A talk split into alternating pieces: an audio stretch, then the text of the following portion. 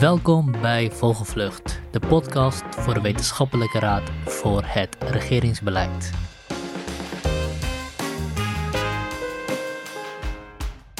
In deze aflevering hebben we het over de nieuwste rapport van de WRR. Dat gaat over rechtvaardigheid in het klimaatbeleid.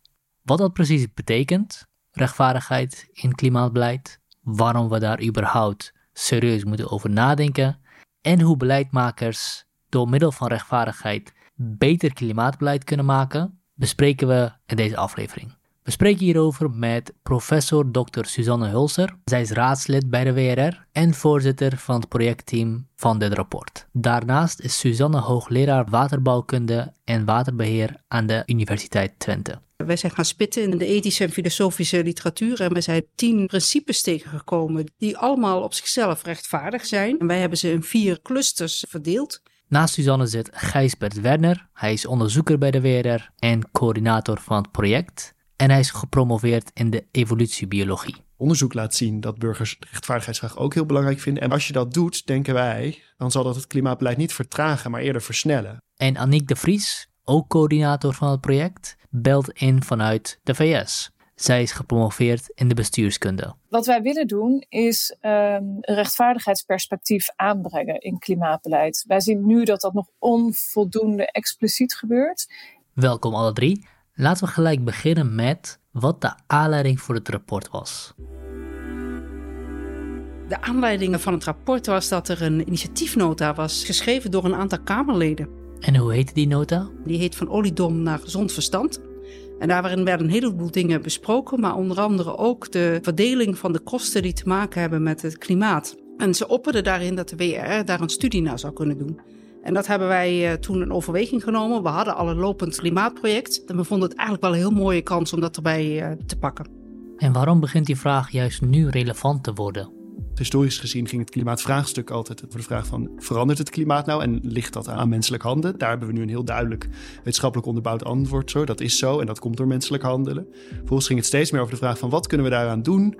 Technologische innovaties, beleidsinstrumenten, zonnepanelen, het CO2-tax. En nu zie je eigenlijk steeds meer een derde vraag opkomen, namelijk de kosten die met dat klimaatbeleid, maar ook met de schade van klimaatverandering gemoeid gaan. Wie moet die dragen en hoe verdelen we die over de mensen en de bedrijven en de andere actoren binnen de samenleving? En die derde vraag, die relatief nieuw is in het klimaatdebat, dat is waar dit rapport op focust. Dus als ik het goed begrijp, is het rapport voornamelijk gericht op beleidsmakers. De primaire aangesproken partij is de mensen die het klimaatbeleid maken. Die zitten in Den Haag, maar die zitten ook op andere plaatsen. Provincies, gemeentes, waterschappen, op het Europese beleidsniveau. Alle beleidsmakers die met beleid te maken hebben wat het klimaatvraagstuk samenhangt, zouden iets aan de inzichten van dit rapport kunnen hebben. Wat ja. bedoel je eigenlijk met klimaatbeleid? Klimaatbeleid, daar onderscheiden wij eigenlijk drie componenten aan. Allereerst gaat het over wat met een technische term wel eens mitigatie genoemd wordt. En dat betekent dat je probeert klimaatverandering te beperken. Dat betekent in de praktijk CO2-uitstoot reduceren, zodat de klimaatverandering minder erg wordt. Tweede categorie is wat beleidsmakers adaptatie noemen. Dat is dat we ons aanpassen aan de klimaatverandering die niet min toch plaatsvindt. Verhogen van dijken, het hittebestendig maken van steden. En de derde categorie die wij binnen dit rapport onderscheiden is klimaatschade. Als er dan toch, ondanks al onze pogingen om klimaatverandering te beperken en ons daarop voor te bereiden, toch schade aangericht wordt, overstromingen plaatsvinden, droogte, oogsten mislukken, wegen worden weggeslagen, dan moet je die schade repareren. En al die drie componenten brengen kosten met zich mee en dat geheel noemen we klimaatkosten in dit rapport.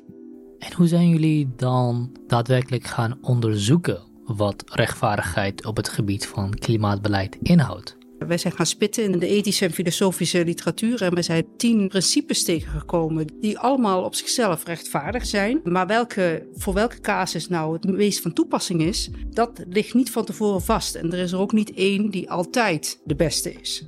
Er zijn binnen de ethiek twee belangrijke redeneerschema's om de vraag te beantwoorden wat nou precies een rechtvaardige verdeling is. Dat is de plichtenethiek en de gevolgenethiek. Bij de ene kijk je naar wat men wel of niet zou moeten doen. Het zijn negatieve of positieve plichten. Je moet niet stelen, bijvoorbeeld. Of je moet armen in nood helpen. Bij de gevolgenleer, daar kijk je naar de uitkomst van een verdeling in dit geval. Nou, die redeneerschema's, die leiden tot verschillende antwoorden. En daarnaast zijn er ook nog verschillende stromingen in de filosofie te onderscheiden. Zoals libertarisme, liberaal egalitarisme en het utilisme. En ook die geven andere antwoorden op de vraag wat nou precies een verdeling is. Wij hebben deze literatuur bestudeerd en op basis daarvan hebben we tien verdelingsprincipes geïdentificeerd die voor klimaatbeleid relevant zijn. Daarnaast zijn we gaan kijken bij vier casussen hoe op dit moment de kosten verdeeld worden en of daar principes in naar voren komen. Bijvoorbeeld de verdeling van de CO2-reductie, waterveiligheid. Dijken die moeten verhoogd worden. Wie betaalt daarvoor? En uh, wie heeft daar profijt van? Ik ben zo meteen heel benieuwd naar welke principes jullie gevonden hebben en waarom je überhaupt rechtvaardigheid wilt meenemen in je beleid. Maar zijn jullie in die casussen tegengekomen dat die principes of rechtvaardigheid in het algemeen benoemd worden? We zijn tegengekomen dat die principes nauwelijks op de voorgrond treden, nauwelijks een rol spelen bij het maken van beleid. Ze zitten er wel in, maar ze zitten verborgen, opgesloten. En ze worden ook niet altijd logisch en consequent toegepast. Juist. En er is ook vooral niet overwogen of het ook anders kan. Dat hebben wij ook in ons rapport mee proberen te spelen. Van hoe, hoe zit dat nou als je een ander principe leidend zou laten zijn? Wat wij willen doen is um, een rechtvaardigheidsperspectief aanbrengen in klimaatbeleid. Wij zien nu dat dat nog onvoldoende expliciet gebeurt.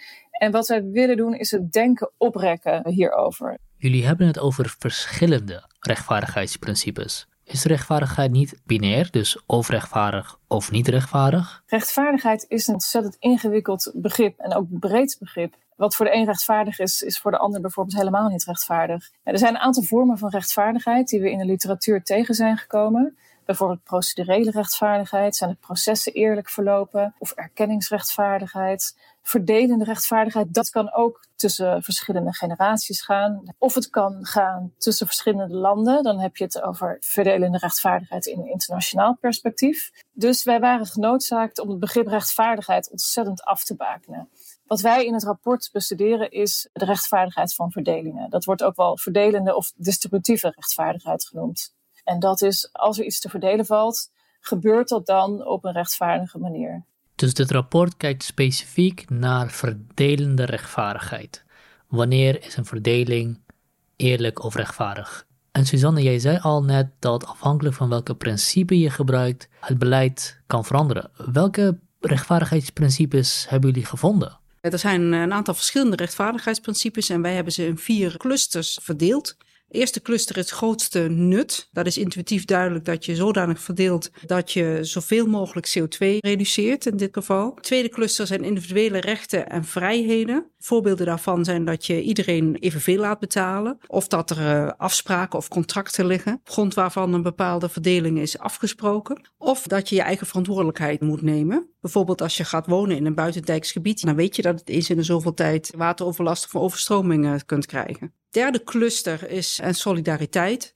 Daarin eh, moet je denken aan sterkste schouders dragen, zwaarste lasten. Of niemand mag door een eh, bestaansminimum heen eh, zakken. Of een zodanige verdeling dat de minst bedeelden er in ieder geval op vooruit gaan. En als laatste cluster bijdrage en profijt. En hier valt ook de vervuiler betaald in. Maar ook bijvoorbeeld de verduurzamer verdient. Dus op het moment dat jij een elektrische auto aanschaft, dan uh, krijg je daar subsidie voor. Of verdeling op basis van profijt. Is rechtvaardigheid niet gewoon dat de vervuiler betaalt? Hangt af van de omstandigheden. Kijk, op het moment dat er een uh, olietanker olie uh, loost, dan is het heel duidelijk wie de vervuiler is. En dat die zelf verantwoordelijk is om dat op te ruimen. Maar op het moment dat er schade is door zwaar weer, zoals in Limburg, dan is er eigenlijk geen duidelijke vervuiler. En hoe heeft dan de keuze voor een bepaald principe effect op de uitkomst van het beleid? Een van de casussen die we behandelen is het vraagstuk van de energietransitie en hoe die betaald gaat worden. Daar zijn nu allerlei instrumenten voor, subsidieregelingen, die als netto effect hebben eigenlijk dat het voor relatief welvarende mensen makkelijker is om aanspraak te maken op die regeling, omdat zij bijvoorbeeld al spaargeld hebben waarmee zij de kosten kunnen voorschieten en daarna een subsidie terugkrijgen. Als ik dan even terugrefereer naar de principes die jullie eerder noemden, is dit dus een verdeling op basis van profijt. Nou, het, het beginsel wat erachter ligt is de verduurzamer verdient. Je bent een verduurzamer als je je huis isoleert, zonnepanelen op je dak legt, dat soort dingen doet. En dan word je daarvoor beloond. Dan geeft de overheid je nadat je dat gedaan hebt achteraf een zakje met geld. En zo creëren ze ook een prikkel om dat te stimuleren. En dat werkt goed. Dat draagt eraan bij dat mensen hun huis isoleren. Maar de maatregel heeft wel, door de manier waarop die is ingericht, als effect dat alleen relatief welvarende huishoudens dat kunnen doen. Of dat in ieder geval dat relatief welvarende huishoudens daar makkelijker toegang toe hebben. Terwijl als je als samenleving helemaal vanaf de andere kant zou beginnen en zou kijken van welke huizen vervuilen het meest omdat ze tochtig zijn, slecht geïsoleerd zijn, enkel glas hebben, dan zou je bijvoorbeeld het principe het grootste nut gebruiken. Dan kijk je naar waar is nou de meeste CO2-winst te halen. En dan zou je waarschijnlijk bij heel andere huizen beginnen dan wat je nu doet door de manier waarop de regeling nu is ingericht. Dus de keuze voor welke rechtvaardigheidsprincipe heeft effect op het beleid dat je maakt. Dan vraag ik me af, wederom, in welke situatie het grootste nut, zeker als het om klimaatbeleid gaat, niet het meest relevant is. Ja, nou, als ik kijk naar de schade die is ontstaan door de wateroverlast in Limburg. Mensen eh, die daar hun huis verloren hebben, dat het daar belangrijk voor is dat ze dat terugkrijgen. Als je dit zou invullen met het grootste nut, dan zou je beginnen met maatregelen waarbij je wateroverlast zoveel mogelijk gaat voorkomen. En ik denk dat dat als minder rechtvaardig wordt ervaren dan de mensen compenseren die grote schade geleden hebben. Uh, er is in Nederland een WTS, heet dat. Dat is een wet tegemoetkoming schade en rampen. Deze compensatieregeling is bedoeld voor mensen die zelf niet de middelen hebben om zich bijvoorbeeld te verzekeren hiervoor of om zelf die schade uit eigen zak te betalen. Dus er is een maximum. Je krijgt nooit helemaal alles vergoed.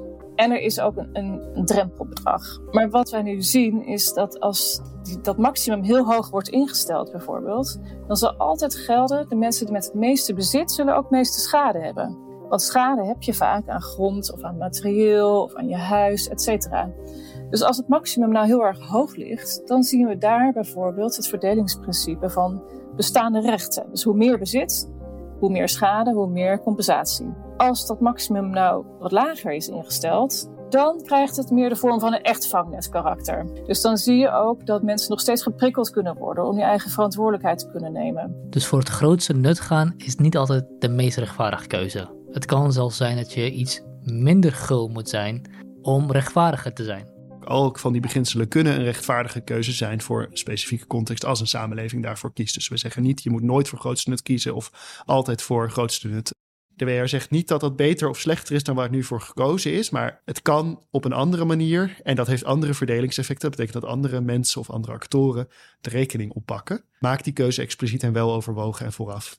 Dus rechtvaardigheid kan per situatie en per context verschillen. Dat is duidelijk. Maar waarom moet ik überhaupt beginnen met rechtvaardigheid?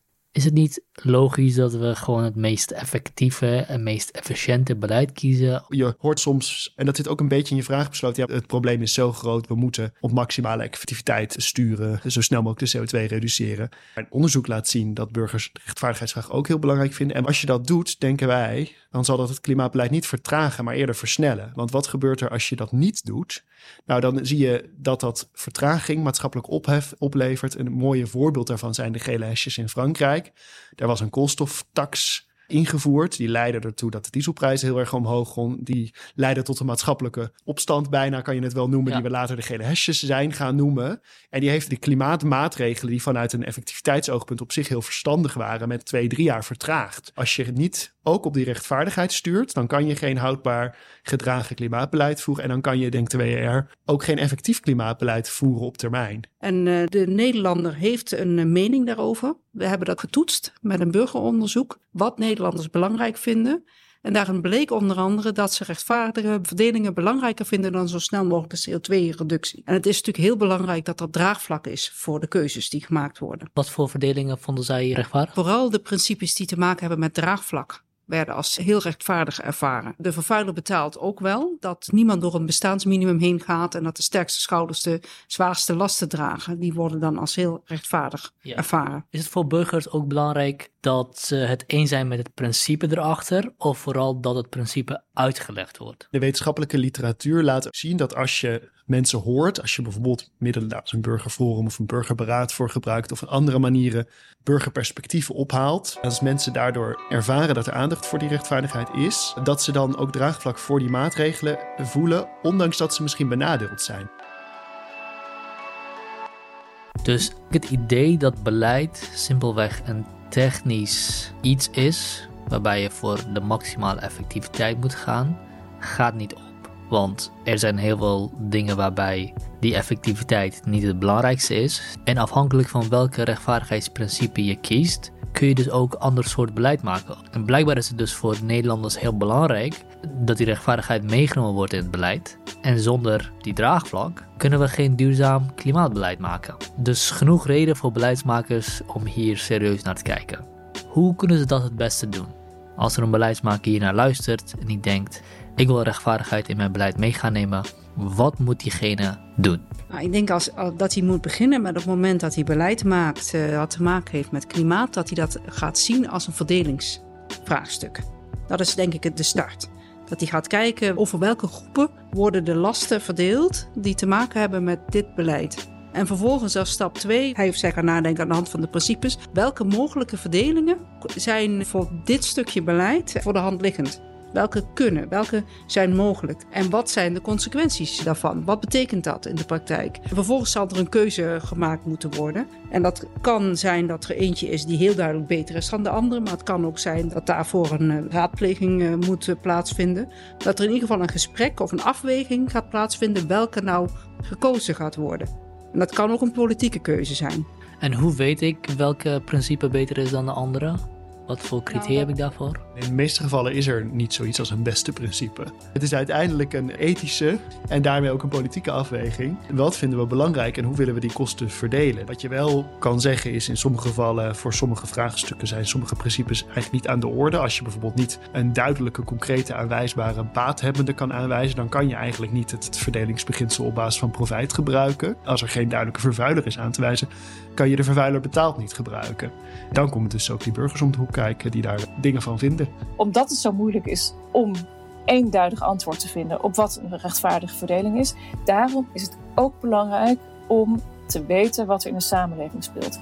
Wat vinden mensen rechtvaardig? En daarom zeggen wij, procedurele rechtvaardigheid is heel erg belangrijk om hiernaast te houden. Het kan eigenlijk niet zonder elkaar, verdelende rechtvaardigheid en procedurele rechtvaardigheid. Want als je procedures eerlijk zijn, dan zullen mensen de uitkomst van beleid ook sneller als rechtvaardig zien. Dus twee aanbevelingen die jullie doen aan beleidsmakers is om klimaatbeleid te zien als een verdelingsvraagstuk. Verdeling van baten, verdeling van kosten en om daarbij als tweede aanbeveling rechtvaardigheid mee te nemen in het beleidsproces. Expliciet en aan het begin. Jullie hebben ook een derde aanbeveling, toch? Om te zorgen dat het ook daadwerkelijk gebeurt, dat in die beleidsvoorbereiding en in het beleidsproces rechtvaardigheid goed wordt meegenomen, zeggen wij, dat moet je ook onafhankelijk laten toetsen dat dat ook gebeurt. Om dat af te kunnen dwingen eigenlijk dat dat ook gebeurt. Want we hebben alle begrippen over de hectiek en drukte waar Den Haag mee te maken heeft. Er moeten duizend en één dingen gebeuren. Je moet naar de effectiviteit van maatregelen kijken en naar de rechtvaardigheid.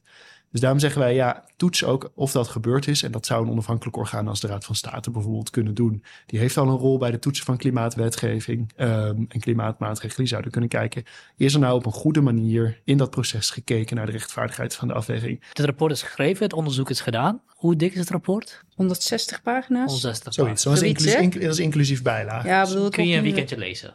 Ja. uh, wat ga je doen met het rapport hierna? Wij gaan het eerst natuurlijk uitreiken op een officieel uh, moment. Het wordt uitgereikt aan twee ministers, aan minister Mark Harbers en minister Rob Jetten.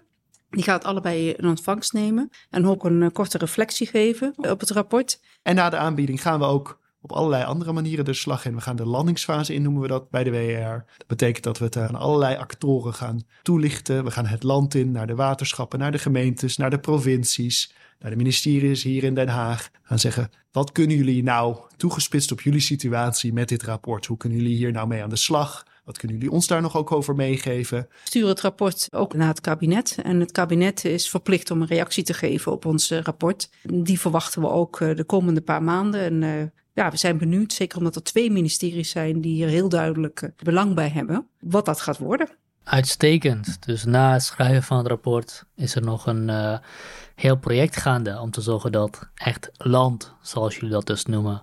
Kunnen mensen ook contact met jullie opnemen zelf? Organisaties die hier wat aan zouden hebben, die bijvoorbeeld het rapport gelezen hebben of deze podcast geluisterd hebben en denken: hier heb ik vragen over, hier zou ik meer over willen weten. Uiteraard hebben we dit niet voor onszelf geschreven, maar we hopen dat anderen hier echt mee, wat mee gaan doen. Dus we willen hiermee ook graag oproepen als er mensen zijn die hier graag mee aan de slag willen gaan of die nog meer verduidelijking nodig hebben, dat ze bij ons kunnen aankloppen zodat wij meer kunnen toelichten. En dat kunnen provincies zijn, dat kunnen gemeentes zijn, ministeries. Bedoel, wij gaan heel graag de discussie aan, want wij willen heel graag dat dit gaat landen. Een heel duidelijke oproep. Aniek, aan jou de eer om af te sluiten. Wat moet er volgens jou gebeuren na de landing van het rapport om het een succes te noemen? Ik zelf zou heel erg blij zijn als die tien beginselen standaard wordt meegenomen in de voorbereiding van beleid. Dus bij het uitwerken van maatregelen dat er wordt nagedacht over de mogelijkheden die er zijn als het gaat om rechtvaardigheidsprincipes. En ik denk dat als je letterlijk je blikveld verbreedt door die tien rechtvaardigheidsprincipes, dat je meer kan aansluiten bij wat er in de samenleving als rechtvaardig gevoeld wordt.